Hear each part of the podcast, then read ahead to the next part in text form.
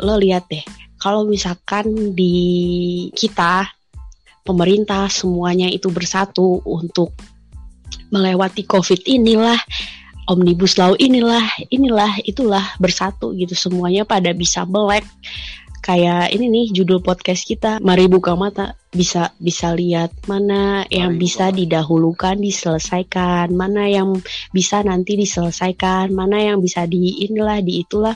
Terus kita bersatu-satu bersatu semuanya. Pasti semuanya bakalan kelar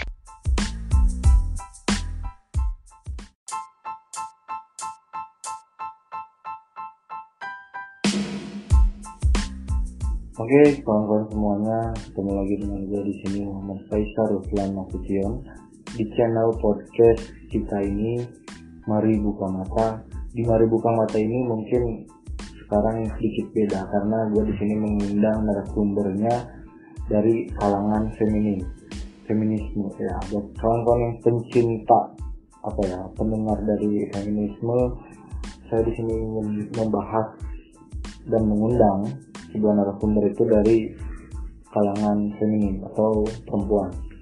Sebelum kita lanjut ke pembahasan, saya di sini ingin berterima kasih buat kawan-kawan semua yang sudah mendengarkan di podcast Mari Buka Mata ini. Di mana pun platform kalian mendengarkan, saya berterima kasih banyak. Dan buat kawan-kawan yang baru bergabung ke channel podcast Mari Buka Mata ini, saya terima kasih, saya ucapkan terima kasih buat kawan-kawan dan Semoga podcast Mari Buka Mata ini bermanfaat buat kawan-kawan yang baru bergabung. Dan saya anggap, saya kira dan saya uh, harap kawan-kawan semua di sini dewasa dalam mengambil sikap mana yang positif dan negatifnya dalam pembahasan diskus atau pembahasan-pembahasan tentang di channel Mari Buka Mata ini. Dan saya ingin mengucapkan juga buat kawan-kawan di sini saya menerima kritik dan saran. Ketika ada kritikan atau saran yang kawan-kawan ingin ucapkan kepada saya sebagai host atau admin dari podcast Mari Buka Mata ini, boleh kawan-kawan uh, chat aja langsung personal terhadap mau di WA atau di Instagram saya pribadi. Silahkan, saya menerima itu. Dan mungkin kita lanjut aja langsung masuk pembahasan. Di sini kita tidak mengambil sebuah tema, atau saya tidak mengambil kata kunci. Di sini saya ingin berbincang atau berwawancara dengan sebuah narasumber yang mungkin menurut saya ini di setiap bidang dia bisa masuk atau bisa membahasnya karena dari segi status orang ini narasumber ini adalah influencer iya, mahasiswa iya, entrepreneur muda iya, wanita karir juga iya, jadi kita bahas aja. Dan basic mahasiswanya dia statusnya itu mahasiswa kan. Dia prodinya itu ilmu ekonomi. Jadi lumayan lah kita bahas tentang bangsa ini dari segi ekonomi bisa dari segi eh, apa bisnis bisa dari segi apa organisasi bisa karir juga dia bisa entrepreneur juga usaha juga dia bisa. Dan yang mungkin kawan-kawan di sini penasaran narasumber kita ini adalah perempuan dan bergabung bersama partai politik langsung saja mulai pengenalan. E, dengan siapa dan siapa mungkin kawan-kawan penasaran langsung mendengarkan saja. Ya sekarang e, ada narasumber di Mari Buka Mata ini bersama Nesa Choi. Siapa sih Nesa Choi? Mungkin kawan-kawan semua penasaran dengan Nesa Choi. E, boleh Nesa perkenalan dulu. Siapa sih lu ini Oke, okay, nama aku emang Nesa Choi. Aku cuma mahasiswa, pekerja keras, dan pebisnis juga. Ya, Faisal tahu aku mungkin dari SMA, cuman dia ya gitulah, nggak mungkin lihat aku saja sama. Asia. Begitu. Aktivitasku sekarang apa tuh? Aktivitas kan kuliah ya, cuman karena kuliahnya online jadi di rumah aja sehari-hari cuman olahraga, kuliah, terus kalau sempat buat keluar ya keluar, kalau ada harus meeting-meeting ya pasti keluar, kok kayak via Zoom itulah ala-ala gitu ya. Mantap. Berarti berarti sibuk bener ya, walaupun online, walaupun di rumah aja pun ini aktivitasnya masih produktif kali ya? Harus produktif. Gimana sih caranya kalau buat produktif pertama dari niat ya. Niat. Karena niatnya. niat dulu waktu waktu dikasih lockdown gini kan ya udah aja manfaatin sebaik mungkin. Mungkin sebagian orang manfaatinnya fokus ibadah memperbaiki diri. Kalau aku sih semuanya dibaiki karena selama ini kan kamu tahu sendiri aku jarang ada di rumah. Berarti mumpung lockdown ini jadi orang rumahan berarti ya orang komplek. Iya orang komplek bener-bener orang komplek yang ke mana-mana tapi masih tetap update kan tentang info-info terkini ini. Kalau itu sih pasti update. Pastilah jelas. Nah eh, terkait tentang info-info terkini atau isu-isu terkini ya gue mau menanya nih sama lu. Kalau misalkan lu ini kan orang mahasiswa lah jelas harus kritis. Mm-mm. terus berbagai banyak organisasi lu ikutin juga sampai partai politik juga kan lu ikutin. Aduh nah terkait itu semua nah ini dari sudut pandang lu pribadi nih atau menurut lu COVID-19 ini apa sih? Nah, ini loh. Kalau dari sudut pandang aku karena kebanyakan di rumah kali ya, jadi lebih mendekatkan diri kepada Allah. Kayaknya ini tuh teguran dari Allah gitu. Ya nggak sih? Azab Teguran ya, atas- iya, azab. Iya, kayak azab, bener. Kayak azab, soalnya kan tahu sendiri kelakuan manusia kayak gimana sekarang gitu. Tapi kalau dari kalau dari dunia politiknya, itu begitu penting sih dibahas. Untuk dibahas. Dibahas.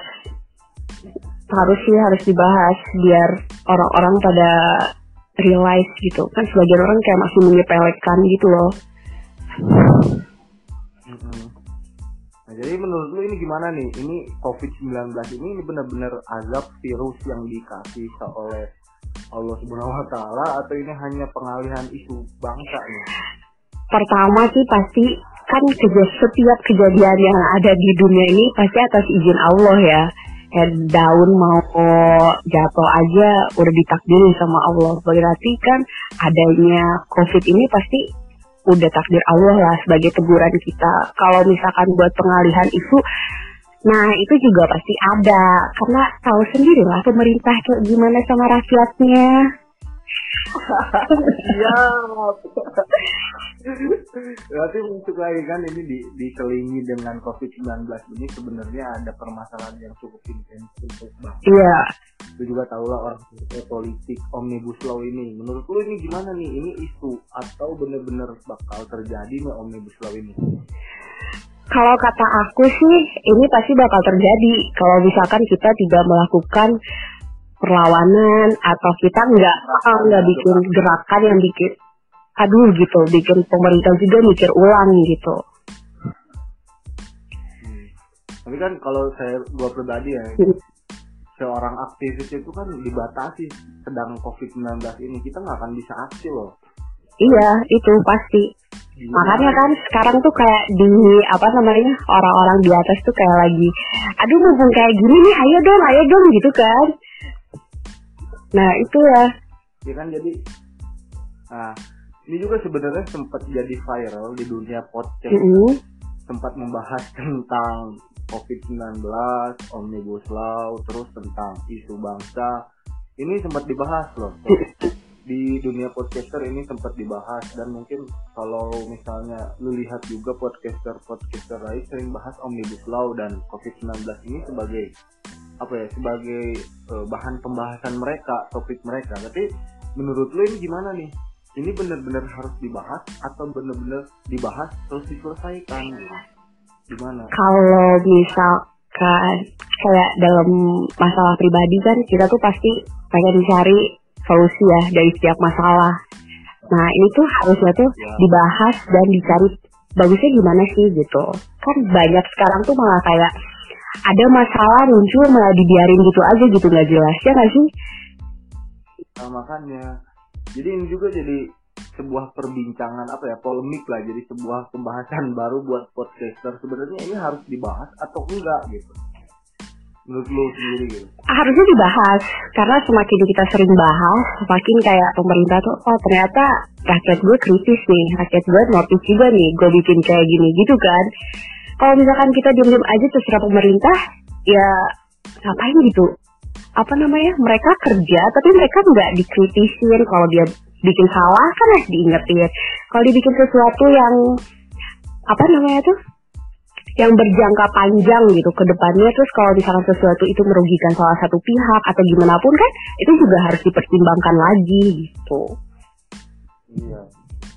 Tapi kan ini pemerintah juga ini contohnya gini nih gue ini duduk di kursi DPR mm -hmm. atau pemerintah lah ya. E, ngelihat polemik ini pandemik ini COVID-19 kan otomatis kita ada pembatasan sosial. Mm kita nggak boleh kumpul otomatis aksi atau kita mau menyuarakan suara itu nggak boleh. Mm-hmm. otomatis ini leluasa nih untuk mengeluarkan kebijakan. Mengeluarkan kebijakan tentang omnibus law ini gampang.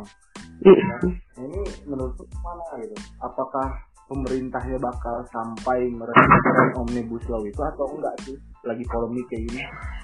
Kalau kata aku sih seperti yang udah-udah pemerintah itu kan pasti carinya kesempatan dalam kesempitan ya nggak sih?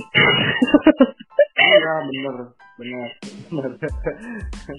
Jadi bakal Iya bakal pasti kata kalau kata aku tapi setelah peresmian itu pasti ada muncul lah ini itu ini itu. Nah baru deh mereka apa lah revisi lah inilah itu lah nyari alasan lain. DPR atau legislatifnya semua eksekutif itu meresmikan pemerintah pusat mm -hmm. terutama meresmikan omnibus ini lagi polemik ini ini sangat keji kata gue. Iya isinya kayak nggak manusia. yang yang dari segi dari segi join joinan sama partai politik nih gimana nih udah mengkaji itu belum? Bro aku belum baca sampai ke situ tuh. Emang gimana ceritanya? Apa cerita? Join joinan sama parpol itu kan lu woi itu kan lu gue ini sumpah ya selama lockdown tuh kayak kayaknya ini para polri bisa diberhentikan dulu untuk sesaat gitu biar biar nggak meresmikan kan ya biar nggak buat kebijakan-kebijakan aneh gitu. Iya kayak aduh udah deh lu lu urus urus aja deh sendiri gitu. Kayak gue juga aduh udahlah kayak mau kepo mau mengkritisi juga kayak ya percuma gitu. Kalau gue nggak by data gue nggak punya basic apa-apa kayak mereka tuh pasti apaan sih lo ya nggak sih? Hmm. orang nah, orang-orang nah itu yang sedang dialami mahasiswa loh iya kan mahasiswa sekarang lagi mengkaji uh, mahasiswa sedang mengkaji secara online ya tentang mm -hmm. omnibus law ini katanya udah ada isu beredar juga omnibus law ini akan segera diresmikan akhir-akhir April. Iya, ada beritanya juga kan. Iya, jadi sebuah mahasiswa itu semua aliansi mahasiswa ngebuat atau organ ekstra mahasiswa mau itu internal juga eksternal juga itu mengkaji tentang omnibus law apa plus minusnya dan rupanya di omnibus law ini banyak minusnya kata-kata mahasiswa yang mengikuti aliansi itu mm -hmm. nah ini kan nah ketika diresmikan ketika pandemi COVID-19 ini kan pasti susah juga kita untuk menyuarakan keluh kesah tentang omnibus law. Mm -hmm. Nah ini kan pasti jangka panjang karena kalau dari segi hukum ya, mm -hmm. Eh, ketika sudah diresmikan itu undang-undang omnibus law ini, ini jelas tidak bisa direvisi lagi kalau sebelum enam bulan itu. Enam bulan? Otomatis harus diber, uh, harus diberlakukan dulu setengah tahun yeah. omnibus law ini undang-undang ketika undang-undang ini tidak jalan segimana yang tertulisnya tekstual itu baru bisa direvisi tapi setelah enam bulan nah itu kan berarti beban juga buat rakyat Indonesia selama enam bulan menjadi uji coba. Nah itu. Jadi menurut lu kan yang sudah join sama partai politik itu kan banyak juga di sosial media udah wah ini kan apa ya istilahnya banyak juga di organ ekstra mahasiswa tuh mengenal lu. Bener lu nyadar kayak itu? Oh ya gitu? Aduh kok bisa? Lu gak sama sama Rapa anak fisik ekonomi siapa siapa kayak apa pas Rama Rama Rama. Oh iya. Iya kan lu, lu terkenal di organ ekstran ya. Aduh, bisa-bisa aja. Katanya lu apa ya wanita karir yang ikut partai politik ya kan lu juga sempet lah gitu kan mengas- mengapresiasi juga terhadap lu Mm-mm. udah kerja keras kan tadi di opening kita apa pengenalan kerja keras katanya. ini kan sebuah pembahasan keren ini gimana nih menurut kebijakan dari partai politik lu bakal gimana menurut lu pribadi yang udah join gitu kalau misalnya ini diresmikan Kalau dari baca berita, tapi aku belum ini ya, belum ketemu sama orang-orang partai gitu, karena ya benar juga nggak bisa ketemu kan, karena lagi ada kayak gitu. Baca-baca sih, Gerindra tuh kan minta omnibus law itu untuk ditarik, apa lagi lah gitu. terus Terus kalau dilihat dari orang-orang partai, karena di partai itu kan biasanya satu suara ya. Nggak mungkin banyak suara juga. Kalau banyak suara itu pasti yang aneh-aneh itu pasti kan. iya haus-haus kekuasaan Oh, kan? oh. Kan terus kan kalau dari bawah partai, partai aku ini kan memihaknya ke rakyat ya, ya nggak sih? partai aku ya Aku.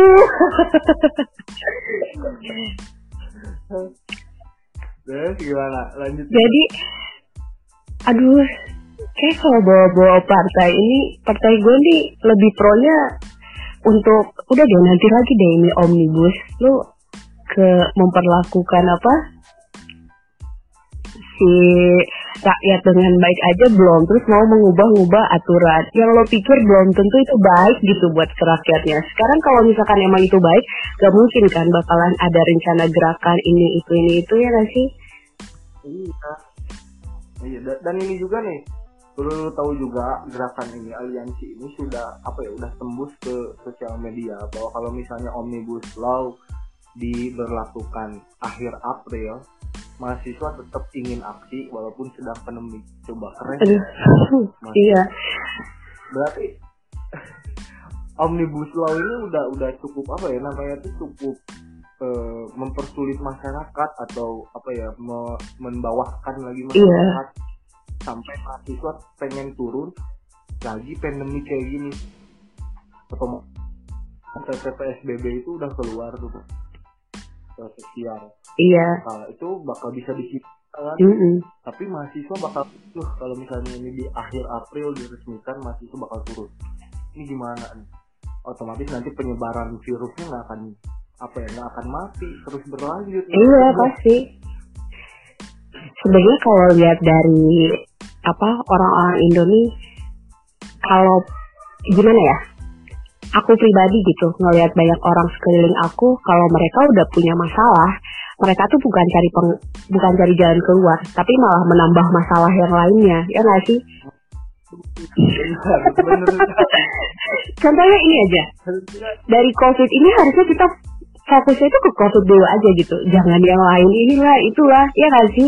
Yang lain tuh masih bisa dipending gitu. Sedangkan ini tuh COVID ini kalau nggak diselesaikan, kalau pemerintahnya nggak jelas, kalau pemerintahnya nggak tegas, ya pasti ya terus aja kayak gini. Emang mau gitu rakyat Indonesia nya pada mati gitu?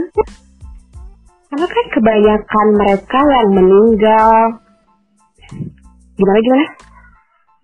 ini pembahasannya itu jadi multitafsir kan ketika lagi covid DPR pengen DPR RI ya DPR pusat itu pengen meresmikan omnibus law didorong didorong sama pemerintah eksekutif pusatnya itu kan jadi sebuah aneh gitu jadi nambah nambah lagi masalah Iya, nah itu, itu kan kebiasaan ya nggak sih, nggak mau. Itu tuh sesuatu hal yang harus kita akuin, ya nggak? Kebiasaan kita itu udah punya masalah, bukan cari solusi, tapi malah kayak nyari masalah lain gitu loh. Iya benar. Jadi yang salah ini siapa sih sebenarnya? Masyarakatnya yang bebel kan ada ada statement dari siapa gitu. Mm-mm. dari tokoh katanya masyarakat Indonesia bebel makanya ngeluarkan perpu terus PP uh, tentang pembatasan skala ini sosial ini pembatasan sosial. Ini siapa sih yang bebal sebenarnya menurut lu semuanya sih kalau menurut aku. Iya semuanya. Kita nggak bisa nyalahin pemerintah kita nggak bisa nyalahin diri kita sendiri juga gitu. Semua orang tuh pasti salah semua karena bebal gitu. semua bebal. Iya semua tuh pasti Jadi kalau misalnya ah, karena mereka punya egonya mas gimana apanya sama itu kayak ya nggak sih? Sekarang gini deh Gimana? Belajar dari yang lalu-lalu waktu kalian bersuara di beberapa aksi gitu. Mm -hmm. Didengar gak sih sama pemerintah? Enggak, nah itu itu sempat langsung hilang, langsung hilang gitu aja, jujur. Ya. Oh, bener. Nah, belajar dari itu kayaknya sebaiknya nih harus kita tuh harus punya strategi yang lebih baik buat ngobrol sama pemerintah, ya nggak sih? Nah, iya benar. Karena pemerintah itu dikasarin nggak mau ya nggak sih? Dibalikin belum tentu didengar gitu loh. Tapi katanya ada yang kita ada kan ada yang kangen saya di demo katanya kan. Nah gitu ya.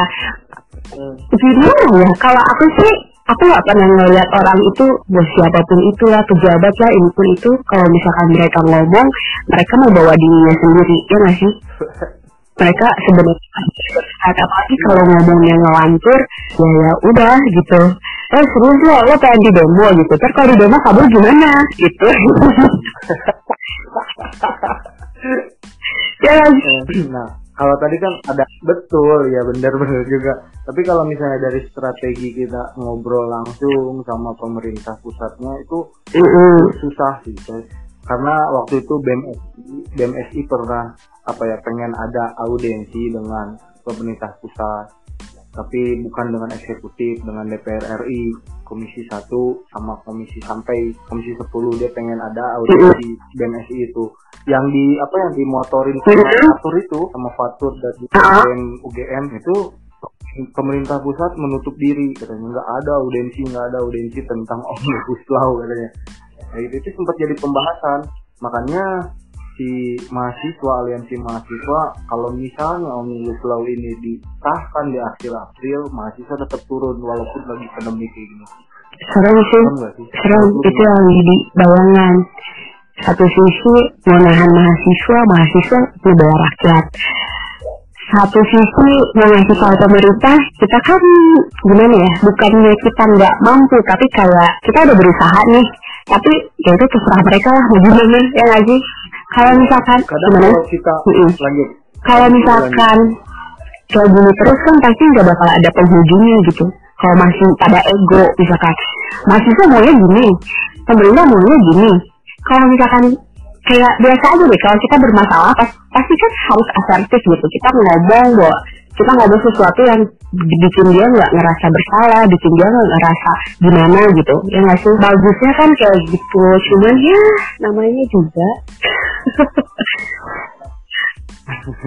namanya juga. Iya, namanya juga politik. Gitu ya. hmm, tapi gini loh, kalau gua pribadi ya, kalau aksi. Tempat kan kita aksi-aksi turun ke jalan itu membawa nama rakyat. Nah, kadang jadi jadi sebuah apa ya, sebuah plesetan gitu buat rakyatnya. Dia tuh nggak nyadar kalau kita turun tuh buat mereka, malah mereka bilang kalau ada yang pasti buat macet kan, pasti buat macet. Kalau nggak buat macet, nutup jalan, jadi jalannya diputer-puter, gitu kan ke arah situ tuh. Nah itu jadi si rakyatnya tuh mikirnya ngapain sih ini, ini mahasiswa buat macet aja, buat macet aja. Jadi kita tuh sebagai mahasiswa yang benar-benar aktif itu yeah. bingung. Nah, apalagi kita mau, mau turun nih, mau turun di akhir April katanya kalau misalnya omnibus law ini disahkan. Itu kan pasti nanti rakyat berpikiran Oh, mahasiswa teh. Oh, mahasiswa penyebab virus. Jadi waras. eh jadi bejaan. Udah tuh ada PSBB ada ada ini pencegahan corona. Toh kita mahasiswa tuh dukung rakyat loh tapi rakyatnya nah itu itu kan itulah yang harus dibudayakan di Indonesia. Pertama budaya mencari informasi. Terus yang kedua gimana ya? Orang tuh kan kebanyakan orang di Indonesia ini enggak ini loh apa kayak ngeliat sesuatu kejadian tuh pasti yang mereka lihat tuh negatifnya dulu ya nggak sih? Nah ya, baru mereka lihat positifnya tuh nanti setelah mereka tahu fakta salah satu fakta yang bikin dia tuh menguntungkan. Nah baru dia lihat positifnya gitu. Nah, nah contohnya itu aksi. Jadi sim mm -hmm. kalau menurut gua pribadi ya ini tentang covid. Covid ini menurut gua nggak mm -hmm. terlalu berbahaya. Nggak terlalu karena apa? Covid ini hanya menyerang apa ya usia 50 ke atas yang udah punya atau enggak yang udah punya penyakit komplikasi penyakit bawaan kayak misalnya dia udah punya ginjal darah tinggi asam urat nah itu dia pasti uh, corona itu datang. Nah sedangkan rakyat sekarang sudah ditakuti dengan adanya korban korban yeah. di televisi kayak gitu kan korban terus. Makanya masyarakat atau rakyat Indonesia semua takut terhadap covid itu ah gue takut jadi korban nih makanya gue diem aja di rumah padahal nggak terlalu begitu berbahaya loh saya ini pernah juga apa ya namanya tuh kajian online bersama medis mm -hmm. rumah sakit enam di Bandung. Itu bener-bener katanya dia virus ini tidak menyerang mm -hmm. kita, kita anak muda kan? Nggak menyerang nggak menyerang kita. Cuman kita cuman kita sebagai eh, apa ya sebagai penyebar. Penyebar mm -hmm. itu di kalangan di kalangan umur uh, di umur satu atau sampai 30 tahun itu kita sebagai ODP sebenarnya. Tapi bukan mm-hmm. korban itu nah rakyat Indonesia semua itu malah ditakut-takutin sama sama pemerintah pusat tuh tentang covid ini. Jadi pemerintah pusat lalu asal lah buat omnibus law. Ya ya luar biasa. Terus kan media-media di Indonesia itu kalau misalkan apa ya jangankan buat kayak konflik gitu-gitu. Kayak misalkan ada gempa bumi aja. Itu kan yang dilihatin itu yang negatifnya dulu. Ya nanti nyadar nggak? Nah cara nggak langsung kan ya mempengaruhi psikologi orang-orang kan. Jadi aduh aduh aduh gitu loh. Nah, nah harusnya tuh kan diperbaiki gitu. Kayak aku tuh pernah baca di di mana ya jadi kalau di Jepang ada tsunami, ada pokoknya bencana alam kayak gitu tuh pasti yang dilihatin tuh bagaimana cara penanganannya. Yang bikin kita tuh kita merasa aman nih gini-gini gini. Nah sedangkan di kita tuh terkadang suka gitu loh kayak negatifnya mulu ya sih? Uh, korbannya terus yang diinfokan cara penanganannya jelek lah terus misalkan uh, mayat ya mayatnya tuh di inilah di itu ya jadi kan ke orang tuh makin bikin aduh gue takut nih gue takut nih gitu gak sih? Iya bener. Jadi mm -hmm. dibuat, dibuat takut kan kayak kayak di Cina. Cina lu tau gak coy? Sekarang di Cina mm -hmm. lepas masker tentang covid. Mm -hmm. tau kan? Nah itu di Cina itu infonya infonya dari mahasiswa yang lagi kuliah di S3 itu anak-anak Henry juga sama dia buat kajian kemarin. Di Cina tidak menginfokan tentang korbannya di Cina itu tidak menginfokan tentang korban. Makanya dia cuma tiga bulan eh dua bulan setengah dia langsung lepas masker. Sedangkan di Indonesia terus kan digembar-gemborkan tentang korbannya. Jadi takut terus. Itu sebenarnya salah salah siapa sih ini tuh? Kayaknya gua gue pengen pengen tahu ya. Dari berbagai narasumber yang gue udah apa ya udah undang pengen tahu ini salah pemerintah, rakyat atau siapa gitu. Dan kalau kalau gue jalanin itu sih semua orang ya. Aku tuh paling nggak bisa jalanin cuma satu orang karena masing masing-masing orang tuh pasti punya salah ya sih dalam kasus COVID ini. Pertama kalau dari pemerintah, pemerintah jelas kalau aku bilang telat ini buat aku ya pemerintah jelas telat dalam menangani covid ini ya nggak sih? Karena awalnya tuh ah, nggak uh, bakal sampai Indonesia ah, nggak bakal gini ah, nggak bakal nah itu terlalu menyepelekan. Nah, terus yang kedua rakyat Indonesia nya tuh kayak sama-sama kayak pemerintah ya sih? Aduh nggak bakal lah. Aduh ya cuma gitu lah. Sakitnya juga cuma di apa cuma disuruh diam di rumah 14 hari gitu gitu gitu gitu kan.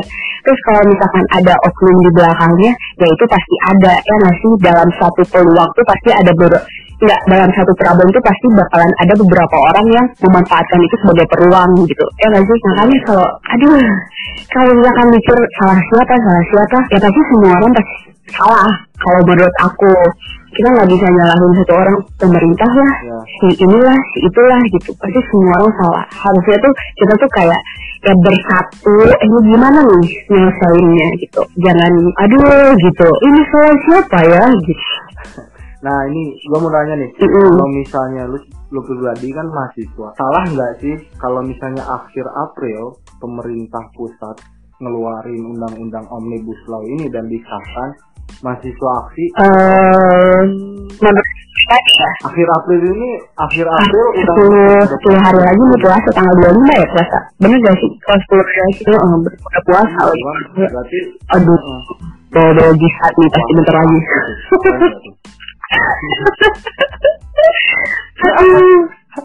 Kalau menurut aku pribadi sih tidak ada salahnya untuk apa sih mengeluarkan pendapat kita ya. Itu nggak ada salahnya. Cuman dalam kondisi seperti ini sebaiknya dipertimbangkan lagi.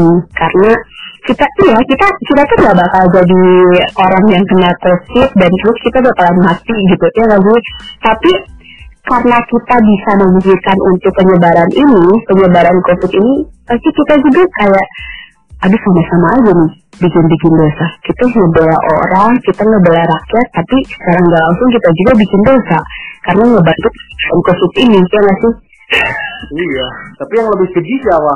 Tapi yang lebih keji siapa nih yang ngebuat undang-undangnya tuh? kalau soal keji-kejian itu biar Allah lah yang ini yang ngeliat biar Allah menilai kita kan nggak bisa ngejudge orang uh jahat lu lu keji lu gitu ya lagi kalau aku lebih milih gitu Jadi, jadi mending buat mahasiswa udah stop dulu aja. Kita tahan dulu gitu kan, tahan dulu. Setelah nanti biar masyarakat yang kalau menurut aku dulu gitu kan. mungkin itu lebih baik ya kayak hold dulu deh terus hold dulu rasain dulu sama lo kalau emang itu nggak berjalan dengan apa ekspektasinya kalau itu emang bener-bener nyusahin baru deh. Ya nggak sih? Kita kan ah, ah, kayak kayak gini aja. Kalau beli baju pasti kita coba dulu kan meskipun luarnya bagus gimana gimana tapi kita pengen coba ini masuk nggak sih di kita? Ini bagus nggak sih? Gitu kan. Nah kalau aku sih Iya. Iya konteksnya itu beda Mas. karena kan masa masanya itu enam bulan kan. Enam bulan itu bukan waktu yang singkat juga lagi. Nah jadi emang bener-bener harus di harus dipikir matang di tengah pan- pandemi seperti ini. Pikirannya tuh kalau di manajemen tuh kan ada manajemen resiko ya. Nah itu ya dipakai Wih. Jadi nggak mau rugi Iya. ya, kalau karena kan sekarang gini deh kalau misalkan kita melakukan itu dan hasilnya kita akan menang kita akan apa namanya kita bakal didengar sama pemerintah gitu-gitu ya bagus lah gitu tapi kalau misalkan kita udah udah effort udah berjuang udah mati-matian mana lagi ada pandemi gini tapi akhirnya tetap nggak didengar kan kita sendiri yang capek ya nggak sih? Karena sebelum-sebelumnya juga kayak gitu kan. Udah capek-capek berjuang ya endingnya kita juga sebenarnya udah tahu endingnya bakalan gimana gitu. Pasti bakal menyusahkan gitu ya, bakal menyusahkan rakyat. kan udah udah seneng banget dibuat susah. Semakin dibuat susah semakin kita tuh strong gitu. Nah, nih dari COVID-19 kita masuk tadi ke apa namanya ke pemerintahan, ke omnibus law. Nah, pengen tahu nih dari segi ekonomi. Kan sempat nih uh, ming- pekan-pekan berapa minggu-minggu lalu gitu, ekonomi dolar nih sampai 17.000 ribu. Nah, menurut lu dari basic eh, basic prodi lu ekonomi gimana? kalau ngeliat dolar naik pertama itu Bisa kakak ya kita lihat nanti Nah, kalau dari itu pasti benar-benar ngaruh lah ke ekonomi ya nggak sih. Pertama kan emang sebelumnya utang utang kita itu udah banyak ya nggak sih? Yang yang mendukung pasti dolar ini naik itulah inilah itulah. Pertama tuh dari utang negara terus sekarang ditambah lagi ada pandemi ini. Perputaran uangnya itu kan kayak bukan lelet lagi gitu kayaknya hampir nggak ada nggak ada jalan sekali. Nah itu makanya. Jadi kalau pas dolar naik gitu-gitu ya mungkin ada sebagian orang yang diuntungkan ada yang sebagian orang benar-benar dirugikan gitu. Iya benar. Mm. Karena kalau misalnya kita ngelihat untung rugi, kebanyakan ruginya, ruginya, ruginya di siapa nih? Gua gua bawa ini, gua bawa contoh kasus dari Mm-mm. eh, apa ya driver online atau taksi online. Itu kan Iya. sebenarnya dia banyak merugikan, banyak ruginya gitu dari benar kasihan juga ada yang sampai mungkin em, aku baca baca di komen-komen Instagram beberapa politikus mereka yang istrinya ojol yang ya gitu-gitu sedih kan mereka kayak aduh udah gak ada tarikan kita harus setoran gitu-gitu. Sedih gak sih?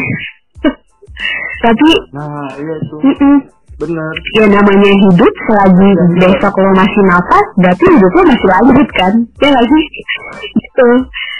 Ya gimana? Ya kejar-kejar restoran bahkan sampai ada kayak orang tuh nggak aku pernah pas awal-awal si dihebohin harus lockdown ini nggak nggak dibatas apa dibatasi. Ini itu ya beberapa orang itu kayak mau pesen grab food sampai ada yang tolak.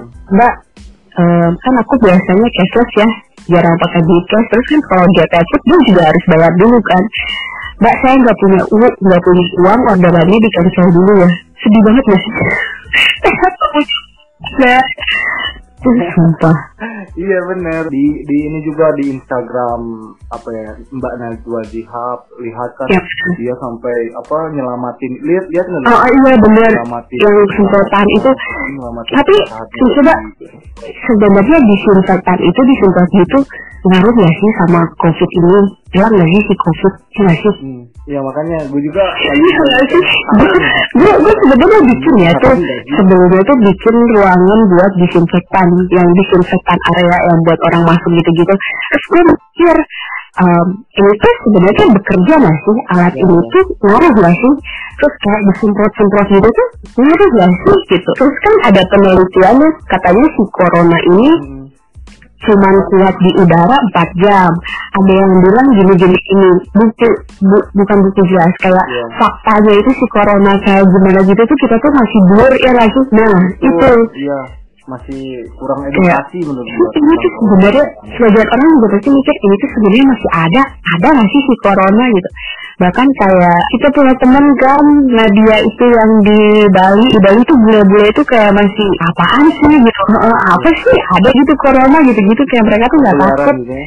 Ya, iya makanya kan dari kurangnya edukasi terhadap corona ini yang membuat apa ya masyarakat Indonesia ini jadi apa ya buta gitu ya. Buta udah mah buta terus dia cuman tahu edukasinya Iya. korban korban korban. Jadi tetap aja takut. Padahal sebenarnya nggak begitu nggak begitu berbahaya. Terus di, di Iya nggak sih? Kalau misalkan disinfektan itu berfungsi pasti semua negara-negara yang kemarin-kemarin heboh-heboh juga pasti fokusnya ke situ gitu. Pasti negara-negara yang ini tuh ya gimana caranya nih disinfektan itu ngaruh dan kayak tiap tiap jam kali ya tuh lingkungan ini bakalan disemprot ya nggak sih?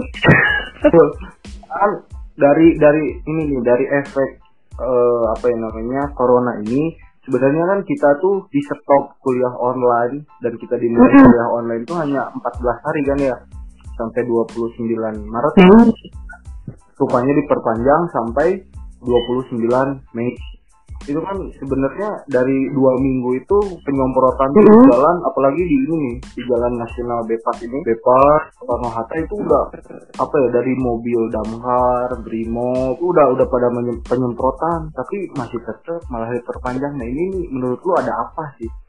Menurut lu ada apa? Kenapa bisa sampai kemarin Kak, mungkin kalau positif thinkingnya karena ketakutan kita, karena kita benar-benar lewat gitu ya menanggapi si COVID ini, ya benar-benar disepelekan. Hmm.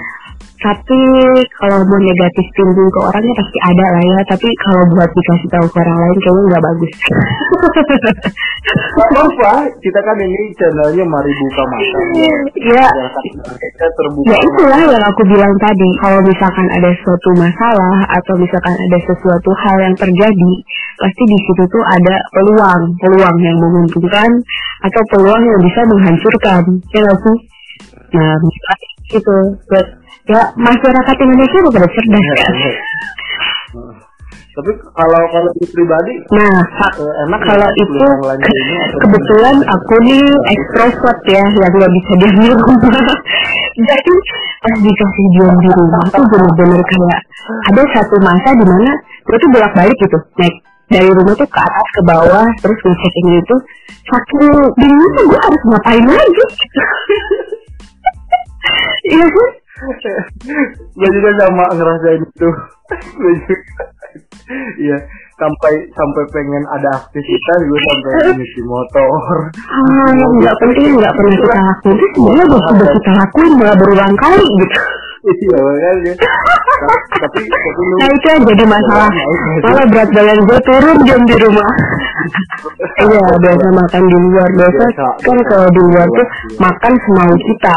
Jadi nafsu makan tuh bertambah ya nggak sih? Kalau misalkan di rumah kan sekarang ah, dibatasi harus masak dulu lah harus pesen dulu lah kalau di luar kan kita tinggal datang pesen udah. Mm-mm. berarti kalau dari dari apa ya dari kaum kita lah gitu ya. Bilang kayak kaum kita yang suka Iya. di luar ini jelas sangat merugikan ya diem di rumah. Tapi untuk kaum rebahan Iya. nih kaum rebahan pasti semua menguntungkan nih. secara nggak langsung pahlawan kita kaum nih jadi pahlawan kita nih berjuang untuk negara. Kan kalau dulu dulu tuh berjuang harus berdarah-darah harus tembak-tembakan. Sekarang kita nih berjuang cuma berdiam diri di rumah ya nggak sih? Kayak memerangi si covid ini kita cuma harus diam di rumah. Tapi ternyata seninya itu kayak gimana gitu ya? Seni diam di rumah itu kayak oh gini doang. Tapi kalau misalnya Nah itu itu nggak apa-apa. Terus kan sebenarnya kasihan juga ya buat beberapa orang yang harus di rumah kan, harus diam di rumah maupun yang kerja maupun yang kuliah. Kan yang kuliah juga ada yang sambil kerja gitu-gitu harus di rumahan tuh. Mereka juga harus mikir buat melanjutkan hidupnya nanti ya nggak sih? Bener bener terus kalau misalnya kuliah online, tulisan pemerintah kan ditulisnya diliburkan ya. Ini kok masih ada kuliah online yang ngasih, lu mikir nggak sih ke situ?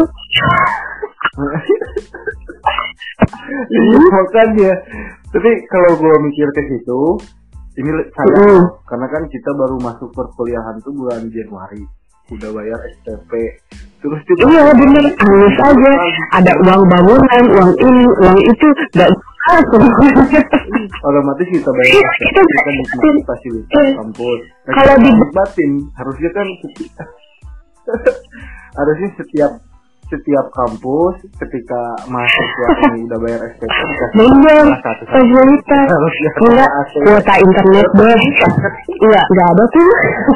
Emang gak dapet emang gak dapet Ya nggak sih, cuman yang aku baca tuh Telkom, terus beberapa UPI, nggak tahu lah. Ya udahlah ya. Kalau kuliah online gue yakin sih nggak bakal bisa objektif ya.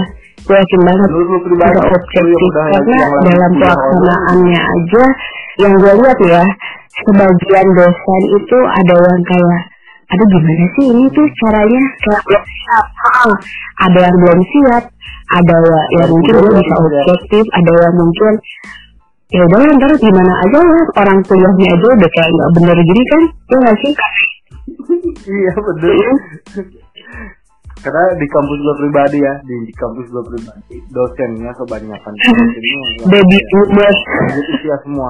Dan dia, dia nah itu jadi dia udah, udah ngerti tentang Iya. update lah. Dikasih coachingnya kaget kan? Ya tuh ada mereka. Ah itu apalagi kat- dari dari gue pribadi kampus gue pribadi itu harus pakai aplikasi Classroom Google Classroom. Itu iya semua dosennya makanya kita ngasih nilainya tuh ya udah nanti bapak kasih nilainya eh, seadanya. Iya aja ya. nah itu. Ya kan itu nggak objektif penilaian Nah itulah orang-orang di Indonesia nih belum siap buat ke 4.0 ya nggak sih? Padahal 4.0 itu udah ada ya nggak sih?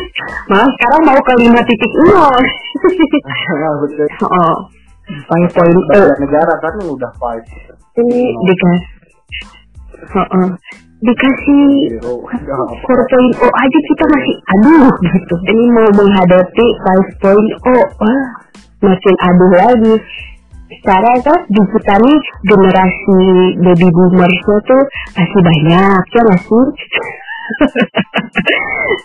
nah mereka itu yang benar-benar nggak bisa melek sama media sekarang. Gadget lah oh, kayak gitu gitu kayak aduh harus ditatarnya tuh bener-bener gitu apalagi orang kayak gitu kan pasti mikirnya itu sesuatu yang menguntungkan dulu. Ya. Betul. benar. Di sini pasti gue nguntungin nggak sih kalau gue kayak gini? Gue gue main ini nguntungin nggak sih? Ini gue buang-buang waktu nggak sih? Ini gitu kan? Karena ya, karena kalau misalnya kita lihat dari segi titik ya titik lokasi di Indonesia karena kan yang yeah. terjangkau akses internet itu kan banyak. Sedang itu kalau di kampus gue kan banyak orang-orang rantau yang dari timur dari tim Maluku rumahnya di pinggir pantai itu susah sinyal. Itu kasihan juga. Iya. otomatis dia pulang ke rumah pada mudik sekarang tuh. Pada balik dulu ke rumah. Dan dia nggak bisa mengikuti kuliah online. Oh baru mulai UTS gue lagi kampus gue lagi UTS lagi UTS itu bilang iya bingung juga kasihan. Yang di sana pada nggak ikuti. Nah itulah. Ya, harusnya pemerintah tuh mikirinnya yang kayak gini dulu. Antum banget kan? Harusnya. Udah aja. Kita cocok iya benar. Ya sih kadang suka aduh udah menunggu aja sih? Yang jadi staf khusus pemerintah gue aja tuh jadi presiden. Karena mereka tuh gak kritis ya kayak misalnya jadi seorang feodal banget ketika udah dapat jabatan nah, kebanyakan seperti itu. Tapi ada juga yang udah dapat jabatan mereka benar-benar berjuang demi rakyatnya. Ada uh, Menhan terus saya.